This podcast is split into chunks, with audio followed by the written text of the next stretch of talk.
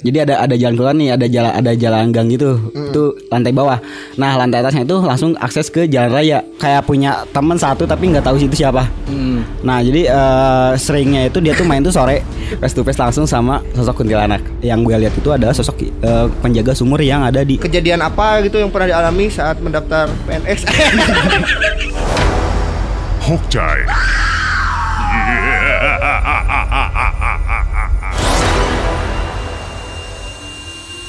Selamat datang, selamat mendengarkan kembali Hokcai Podcast bersama gua Iqbal dan juga Mul atana piang.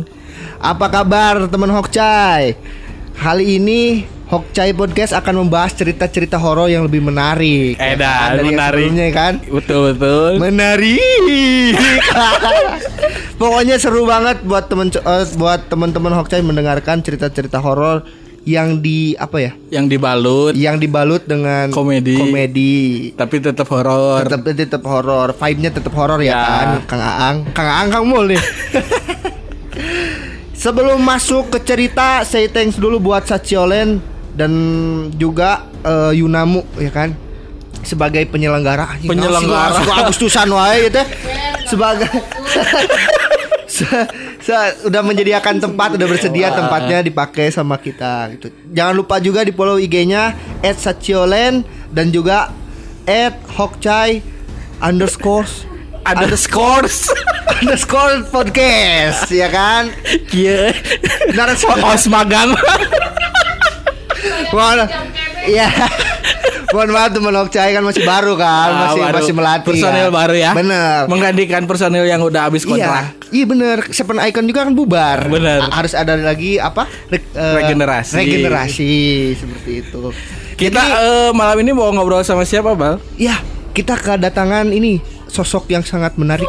Sosok Sosok.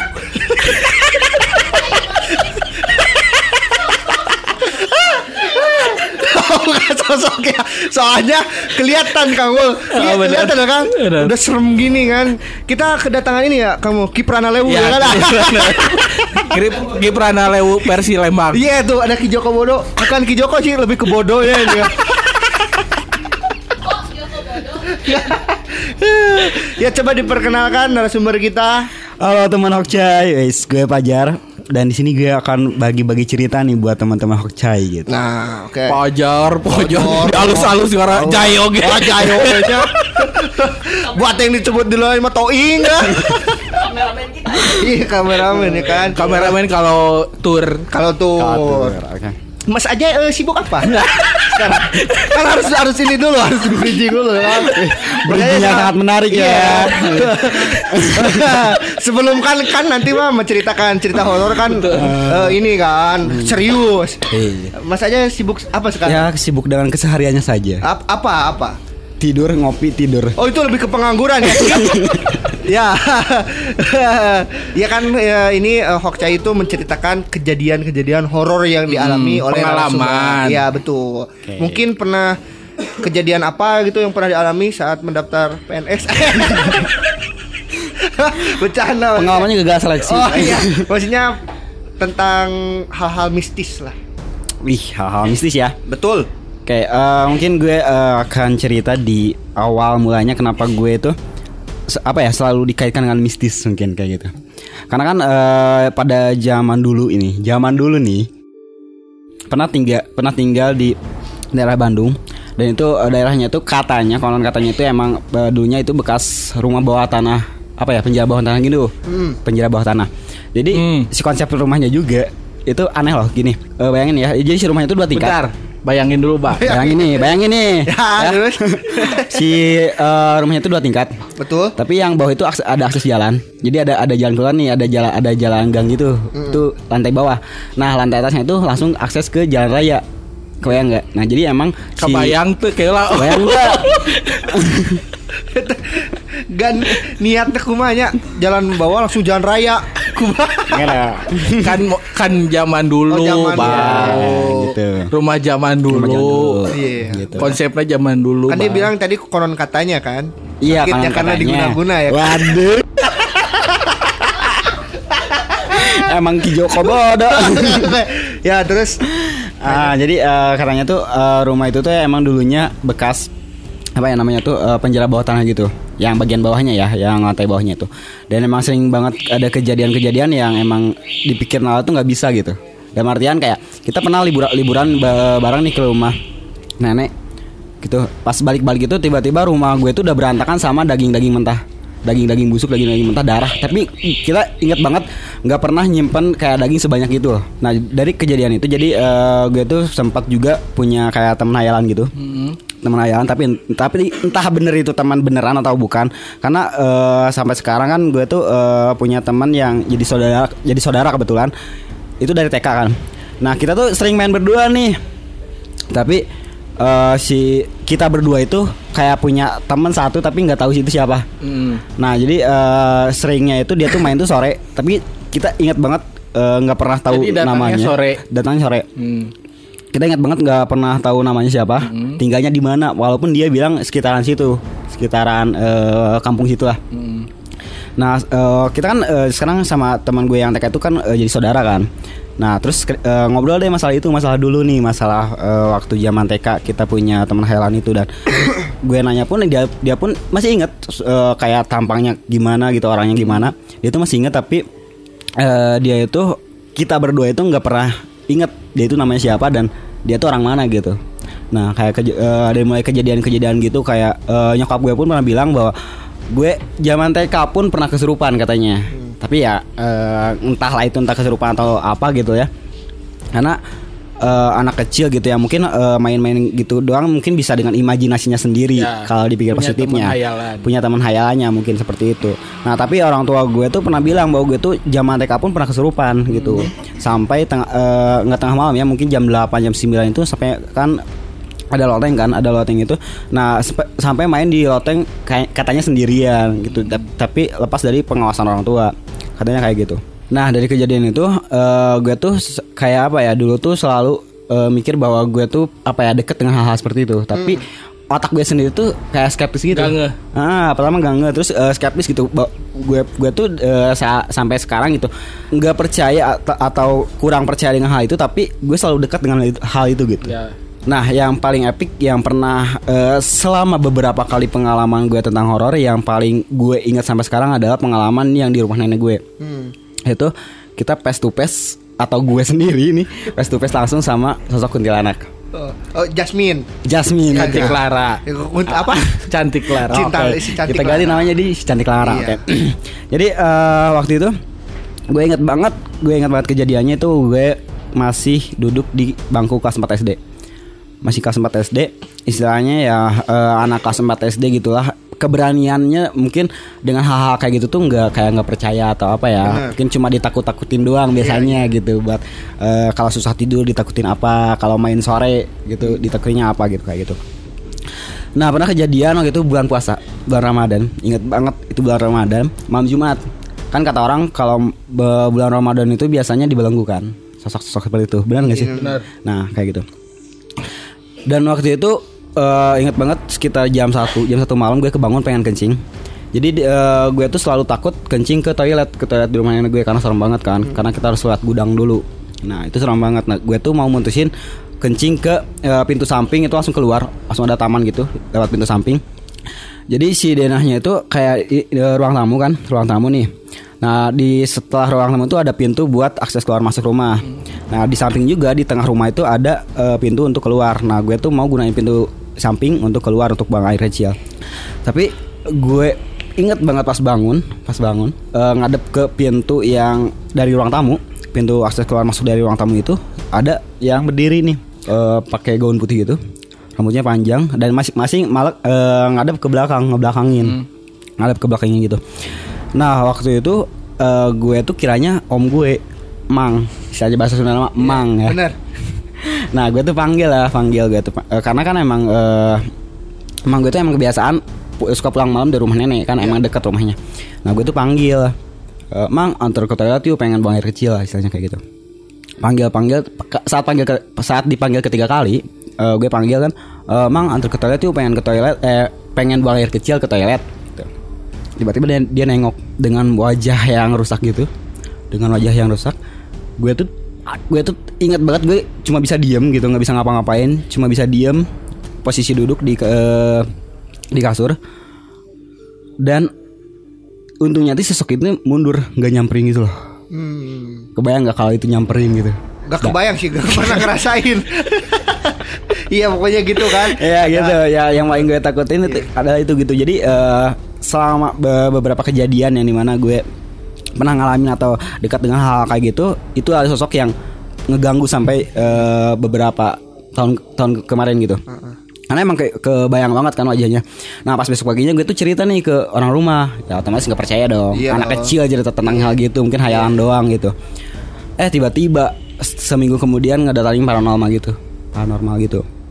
Terus eh kayak di jambe-jambe itu lah rumahnya tuh kayak di apa ya Dibersihin. mungkin ya Eh, terus kayak di, di pintu itu dipasang apa ya kayak sayur-sayuran mungkin gak tahu buat masak atau apa ya eh kayak eh apa namanya itu bawang putih, bawang merah, ya cabe, ya itu bener Nah, Kayak apa? gitu.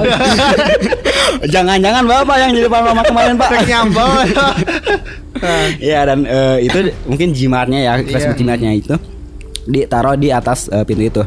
Dan eh, yang yang waktu itu yang ada paranormalnya langsung itu ada bibi, gue sama nenek dan kita ngobrol nih, walaupun gue masih kecil gitu, tapi gue ceritain eh, kejadiannya kayak gimana. Nah kata paranormal itu dia tuh bilang bahwa eh, kejadian itu atau sosok yang ada yang gue lihat itu adalah sosok eh, penjaga sumur yang ada di rumah nenek gue. Jadi ma- eh, orang kampung kan masih gunain sumur kan Ya. sumber airnya. Nah di situ tuh ke- eh, anehnya tuh sumur nenek gue tuh paling dalam itu ada pas eh, 14 meter kedalaman si airnya tuh, tapi belum nemu air sama sekali. Sedangkan di warga-warga yang lain tuh 2 meter 4 meter pun udah nemu air nih, udah nemu serapan. Tapi di rumah nenek gue tuh nggak eh, nemu air di 14 meter ya. Nah eh, katanya tuh dia tuh sosok penunggu yang di situ karena emang sering dulunya tuh kan karena nenek gue tuh eh, apa ya ternak eh, sapi sama domba nggak pernah ada yang masuk gitu kayak tumbalnya mungkin ya. Nah katanya tuh dia tuh udah lapar katanya tuh karena udah nggak ada yang eh, dimakan lagi atau mungkin atau apa gitu. Nah itu kayak eh, berarti otomatis nggak yakinin gue bahwa oh ternyata sosok itu tuh emang ada emang Ya, bener gue lihat itu gitu. bener ada, Iya gitu. kayak gitu. Nah tapi ya eh, keluarga gue sel- eh, walaupun nyokap gue tuh sel- eh, selalu percaya gitu dengan apa yang gue bilang dalam artian dia tuh selalu eh, tahu kenapa gue tuh selalu ngalamin hal ini hal itu hal itu dengan hal hal yang horor kayak yang gitu ya berbau gaib. berbau gaib kayak gitu.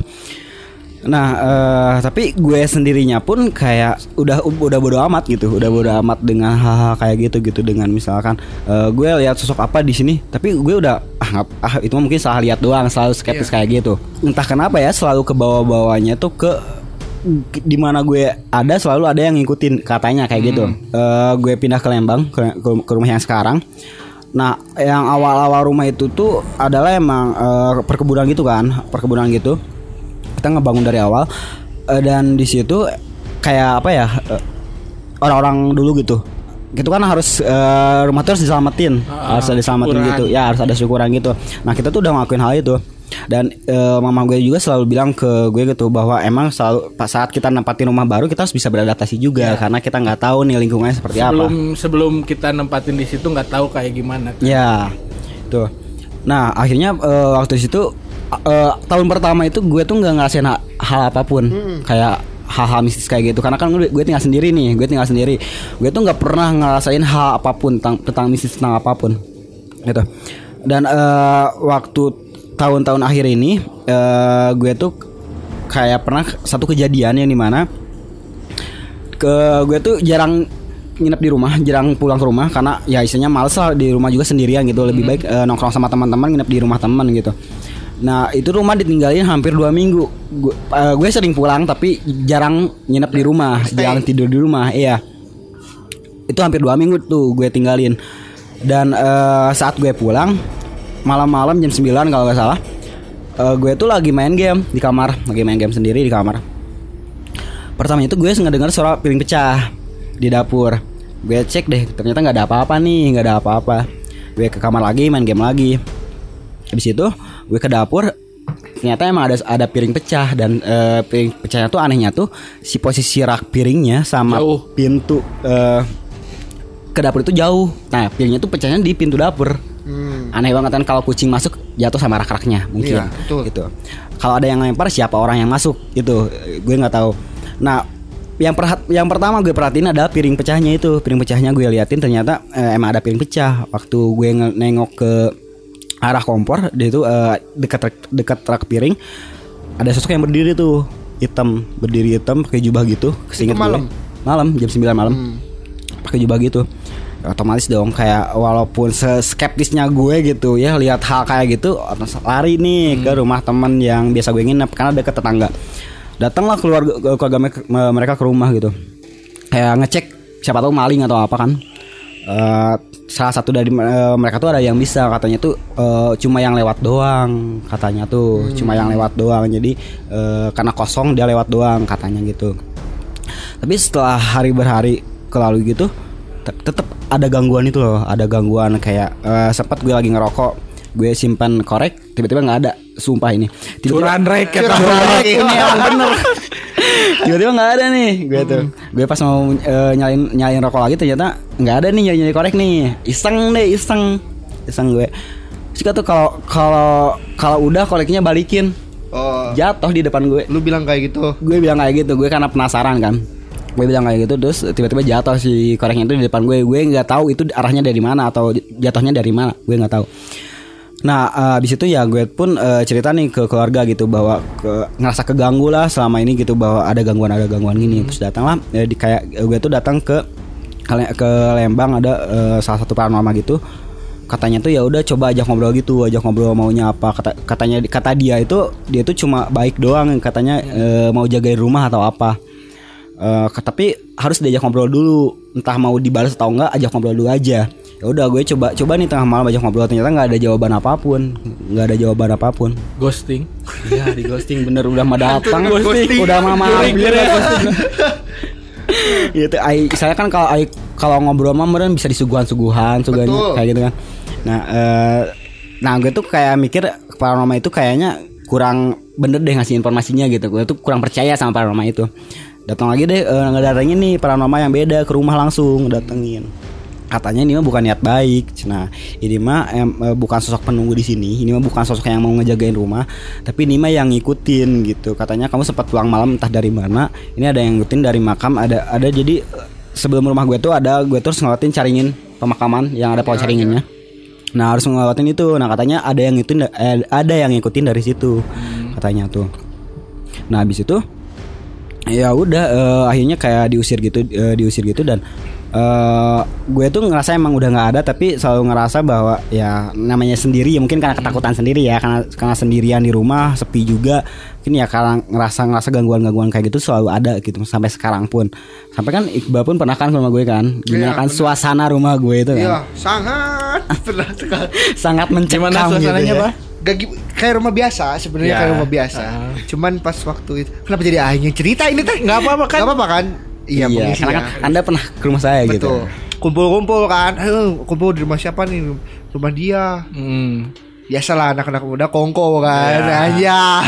Kongko, kobam-kobam di situ, Iya, kobam-kobam di depan dia dia bilang kayak gini doang. Di situ ada glass box gitu di WC. Hmm. glass box terus dia bilang rumah depan mah nggak ada yang isi kan kita nanya jah ini main di sini sendiri sana ini rumah depan nggak ada yang isi itu oh, kalau Hmm. nggak salah ya Iya, iya. Bener ya? Tiba-tiba lagi kobam kobam jam berapa ya jam jam satu apa jam Iya, pokoknya lewat tengah malam. lewat tengah malam lewat jam 12 ada yang lewat gitu wah di situ aja aing pertama kali lihat langsung wah pada kabur semua ke dalam Orang yang ngelewatnya agak atau tahu pokoknya bayangan hitam set gitu doang Rumah di depan tuh dua tingkat. Nah kalau kalau orang berarti otomatis eh, harus ada dong, harus ada di atas karena di atas kan.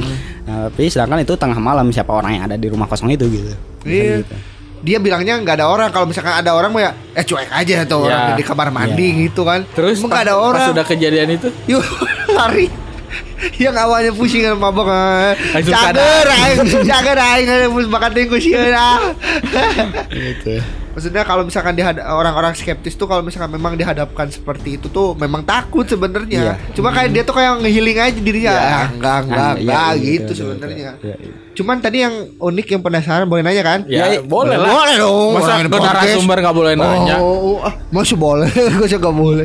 Nih tadi yang menarik kan waktu SD nih, kelas Nah, kan? kelas empat itu. pas ngelihat eh, Lara, Cantik cantik Lara Lara, ini, ya. balik kan? Ya, Kamu kira itu Mamang? iya, gue Berarti Mamang kamu setiap hari pakaiannya seperti itu?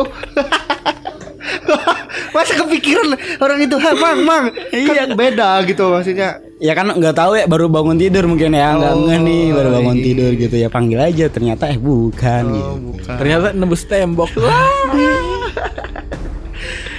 Setelah itu eh, Ki Joko Bodo merasakan Eh, Ki- eh Fajar maksudnya merasakan ada hal-hal aneh lagi nggak selain dari satu tahun itu yang kan ini satu tahun itu kejadian udah gede kan? Mm-mm. yang rumah sendiri mah. Ya, iya. ada ada lagi nggak? Apa gitu? Apalagi ya? Ya paling ya paling yang eh, memorable itu adalah yang eh, teman hayalan ini loh. Nah gue tuh sampai pe- saking penasarannya gitu. Eh, dulu punya teman ngajak saudara gue ini buat eh, ngecek nih. Kita tuh kan dulu tuh TK tuh di sini rumah kita tuh di sini. Nah itu tuh ngecek ada nggak sih kayak jejak-jejak kayak eh, dulu tuh eh, kita tahu di mana rumah anak yang pernah main bareng kita itu Sosok anak yang itu kayak eh, emang benar-benar sosok anak kecil atau eh, berbentuk kayak gimana gitu. gambaran saat itu Hmm. sosok anak kecil seumuran waktu itu zaman TK 6 tahun 6 tahun 5 atau 6 tahunan gitu kayak ini apa sih Tambah, oh, orang-orang orangnya Si- lokal. si Felix ha? Felix, Felix Peter. Peter. si Peter eh sa Peter Peter Ceres. Rumah si Roben. Eh, kayak gitu Mungkin ya nggak tahu ya karena eh, apa ya teman kayak teman main biasa gitu tapi datangnya selalu sore gitu. Selalu sore. Dan maghrib pulang. Ya dan maghrib pulang betul. Gitu. Ya mungkin ya eh, emang te- eh, entah itu emang teman beneran teman tapi kita lupa itu siapa gitu. Atau emang bener teman hayalan gitu. Karena kalau teman hayalan tapi dua orang kita ingat dua orang nih TK itu gue sama saudara gue satu TK bareng. Tapi gue gue inget dia inget gitu. Kita pernah main bertiga gitu. Tapi eh, kita nggak tahu lupa namanya lupa rumahnya di mana dan ya nggak tahu aja gitu. Sampai gitu. sa- sampai sampai sekarang nggak ada? Nggak ada. Gue terakhir ngecek ke sana itu kayak nggak nyari tahu nyari tahu itu waktu kelas 3 SMA ke sana sempat ke sana kan. apa itu ternyata? Eh, ya nggak tahu kan. Heeh. karena kita waktu ngecek ke sana pun kayak eh, apa ya jatuhnya tuh kita tuh nyari nyari nyari rumah yang kayaknya itu adalah teman kita gitu. Entah itu udah pindah atau Ya. enggak ya gitu. Dan eh, akhirnya kita tuh mut- mutusin bahwa kayak ngasih apa ya kesimpulan gitu bahwa ah mungkin itu emang bener-bener teman hayalan deh kayaknya kayak gitu. Eh, gini bang, eh, tanpa sepengetahuan Jai, Iya. kita kedatang. Wah, kedatangan teman spesialnya, teman layanannya yang selama ini Ajay cari, ya silakan kayak orang ini aduh Tapi Ajay eh, pas ketemu teman hayalan itu sempat minjem duit atau kayak gimana? Siapa tahu kan? biasanya bisa, kayak kan? gitu ya Iya biasanya kan? kayak gitu Iya. minjem duit abis itu hilang Iya bisa kan kali. Maksudnya teman hayalan tuh banyak gitu Nah. Substansinya anjing Iya. Waduk lah Substansi lah Iya kalau kata nyokap gue itu itu kejadian kejadian yang paling parah itu gue main di loteng tengah malam lotengnya itu eh, kan rumah gue itu dua tingkat tapi ada lotengnya itu ada ada dak, space dak, nah, dak. dak gitu itu kan tinggi kan kalau jatuh kan Bebek. kita nggak tahu gitu kalau sampai jatuh kita kan nggak tahu karena te- apa ya kayak terlepas dari pengawasan orang tua gitu saat Betul. itu. Pas main di loteng sama temen itu. sama teman yang mana? Yang Yang nyata hayalan. yang hayalan itu. Oh. gue ingetnya ya eh, kita tuh eh, gue tuh diajak main di loteng itu. Tapi ya kata nyokap gue itu keserupan katanya. Katanya tuh keserupan eh, pan eh, nyerita kan. Katanya eh, kamu tuh pernah waktu TK pun pernah keserupan katanya tuh. Sampai main di loteng tengah malam. Dan mama tuh nggak tahu mama tuh nggak tahu lagi udah tidur atau lagi ngapain gitu. Dan kaget istilahnya itu loteng tinggi kalau jatuh gimana? gitu. Itu yang eh, apa ya mungkin yang hampir mencelakakan tuh di situ Berarti anda mengenal mistisus sejak dini ya? ya mungkin itu Dia dilatih terus dila- Siapa tuh jadi paranormal Lumayan memperisiannya siapa? Hah? Memperisiannya siapa tadi? Kiprana Lewu. Kiprana Lewu siapa tahu kan Istri banyak muka seperti aura kasih kan bisa jadi Iya kan Itu ke Prana Lewu ya, Krip Prana Lembang. Lembang bener dari Iya, iya, gitu. maksudnya bingung kan habis kuliah kerja apa kembangin aja mistis kembangin Ngapain? mistis kembangin Oh mistis gitu. kalian bisnis. Iya enggak, bisnis di mistis. Numbal-numbalin Bisa, bisa, orang, orang Numbal-numbalin bisa. ya. Bisa. Aduh, kayak gitu.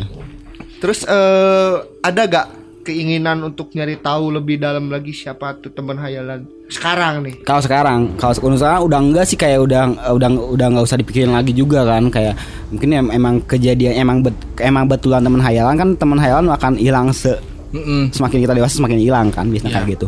Ya mungkin emang teman hayalan juga gitu karena eh, kalau kita lihat background ke belakangnya gitu bahwa eh, ayah dari nyokap itu adalah emang eh, kayak sesepuhnya di kampung gitu. Kayak dia tuh emang dihormati sama warga kampung gitu, sepuh-sepuh gitu. Nah, dan gue, eh, gue tuh adalah tipikal dulu kan pesantren kan. Dulu itu Hmm. anak pesantren nih, gini-gini tuh anak pesantren. Tapi nggak bener tuh katanya tuh emang Kabur. kabur-kaburan. Tambah kan pesantren itu di Malang sendiri kan. Kabur-kaburan lah gitu-gitu. Nah, kata kata nyokap tuh em, eh, kayaknya tuh ya eh, eh, kakek kamu mungkin udah enak gitu ngelihat kelakuan kamu kayak gitu kayak gitu. Makanya selalu disuruh disamperin sama hal-hal yang gaib katanya itu kayak gitu kalau kata nyokap gue ya. Mm.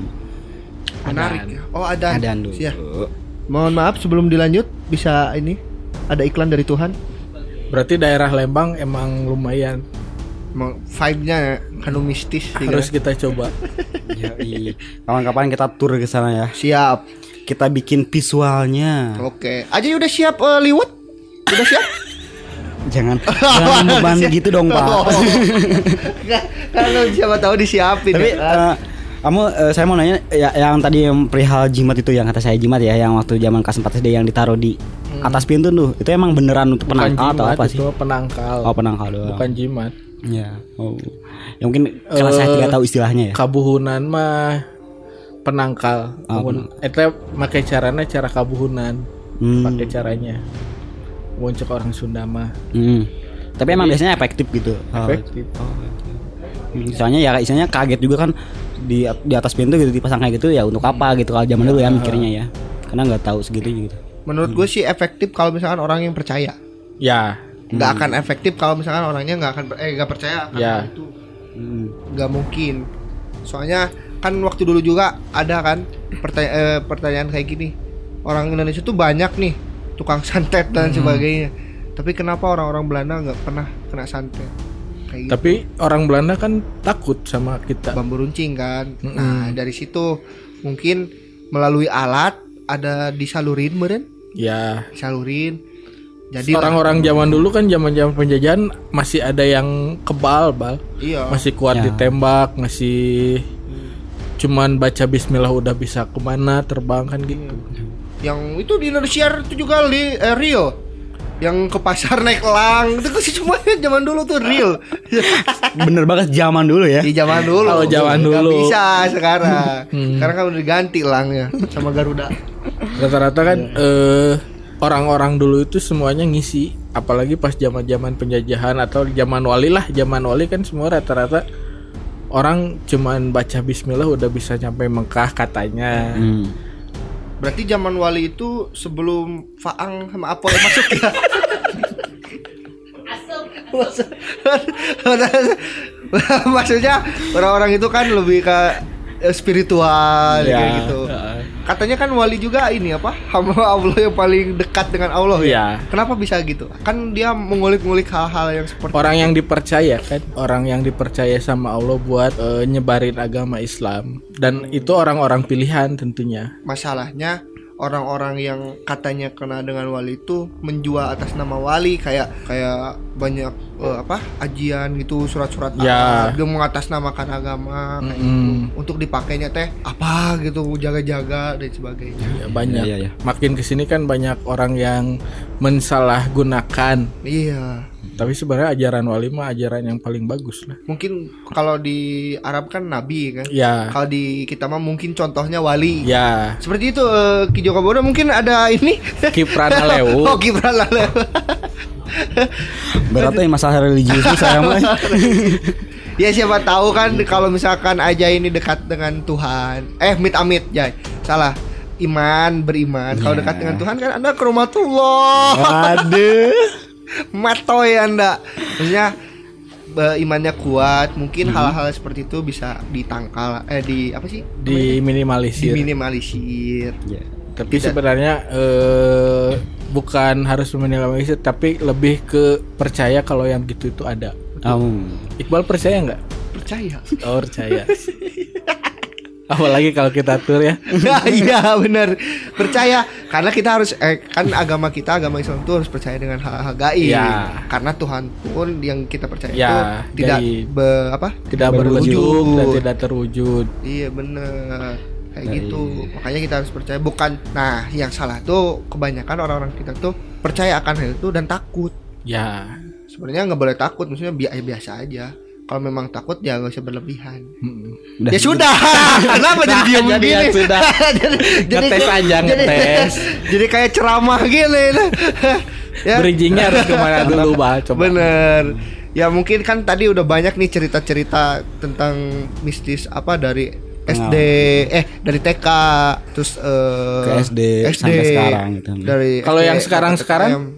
Kalau sekarang-sekarang terakhir itu kayaknya nggak udah nggak pernah ngerasain lagi ya semenjak yang di rumah itu kayak diusir gitu dibalikin lagi mungkin ya lebih tepatnya. Eh tapi kayak kejadian-kejadian itu udah dibodo amatin mungkin karena udah kayak udah mikirnya tuh udah ah ngapain juga lah istilahnya takut sama hal gitu atau mungkin Ya. kayak mikirnya tuh eh selagi orang nggak ngeganggu mereka ya udah mereka di rumah orang pun ya emang kosong ya udah eh, mereka nggak akan ngeganggu orang mikirnya itu aja gitu. tapi entah kalau eh, sebenarnya kalau dan anehnya gini loh dan yang paling anehnya itu eh, sempat kan adik gue tuh nginep di rumah dan eh, gue ngalamin kejadian satu kejadian tapi adik gue nggak pernah ngerasain hal, hal itu gitu loh. Entah itu gue sendiri yang eh, terlalu ketakutan atau emang nyamperinnya ke gue doang atau emang eh, adek gue nggak tahu apa-apa gitu atau gimana gitu kan itu nggak tahu. Dia yang herannya tuh selama di rumah adek gue ada di rumah tuh kejadian tuh selalu sama gue gitu selalu sama orang. Kejadian hal, kayak gitu tuh. Tapi adek gue nggak pernah sama sekali selama tinggal di sana nggak pernah ngerasain hal, kayak gitu. Kayak gitu. Dan itu ya kayak tanda per- eh, pertanyaan ya gitu. Entah gue yang takut atau gimana gitu itu tuh. Kayak gitu. Kenapa bisa gitu ah bisa dipilih gitu? Padahal satu keluarga. Karena lebih sensitif. Oh dia. Jayanya lebih sensitif. Oh, Jadi kamu jangan ini kalau sensitifnya udah plus 2 hamil. Iya. Iya, produser udah. Buru buru buru sih produser buru buru.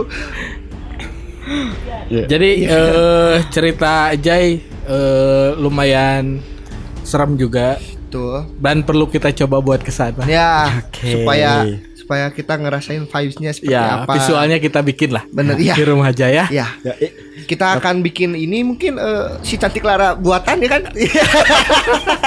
supaya menarik penonton bisa jadi ya kan? Jangan dong, kita tuh no entertain kita Bener. tuh. nggak ada hoak-hoakan Ah, ada. Kalau ada uang? Hah? Boleh.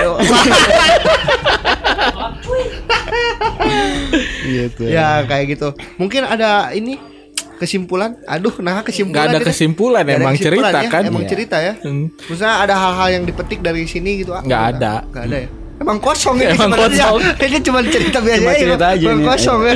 kan eh Jai ini pengen cerita di Hokcai iya, Podcast. bener. Buat teman-teman juga yang pengen cerita boleh DM ke Hokcai underscore podcast. Nanti cerita singkatnya boleh ditulis di situ dan kalau ada waktu kita undang dan kalau ceritanya menarik Benar. kita undang juga. Iya, kalau bisa yang lebih ekstrim gitu ya. Ya boleh. Biar biar adrenalinnya terpacu gitu. Ada adrenalin. ya terima kasih buat eh, teman-teman yang udah dengerin. Benar?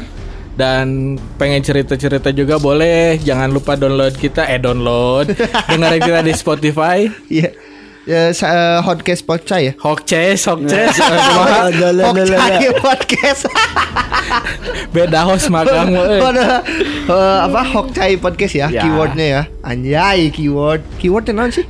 oh, kata kuncinya. Terima kasih. makasih juga buat Sasiolen yang udah nyediain alatnya kudu disebutkan we bal Bener, Untuk Yuna mungkin kudu disebutkan. disebutkan. Heeh. Soalnya nu nyadian tempat. Ah, Bener. bener. Terima kasih buat ini juga apa temen Nih? Hokcai. Temen Hokcai. teman setia Hokcai yang Teman setia Hokcai udah setia mendengarkan kita. Assalamualaikum warahmatullahi wabarakatuh Ya, Waalaikumsalam warahmatullahi wabarakatuh.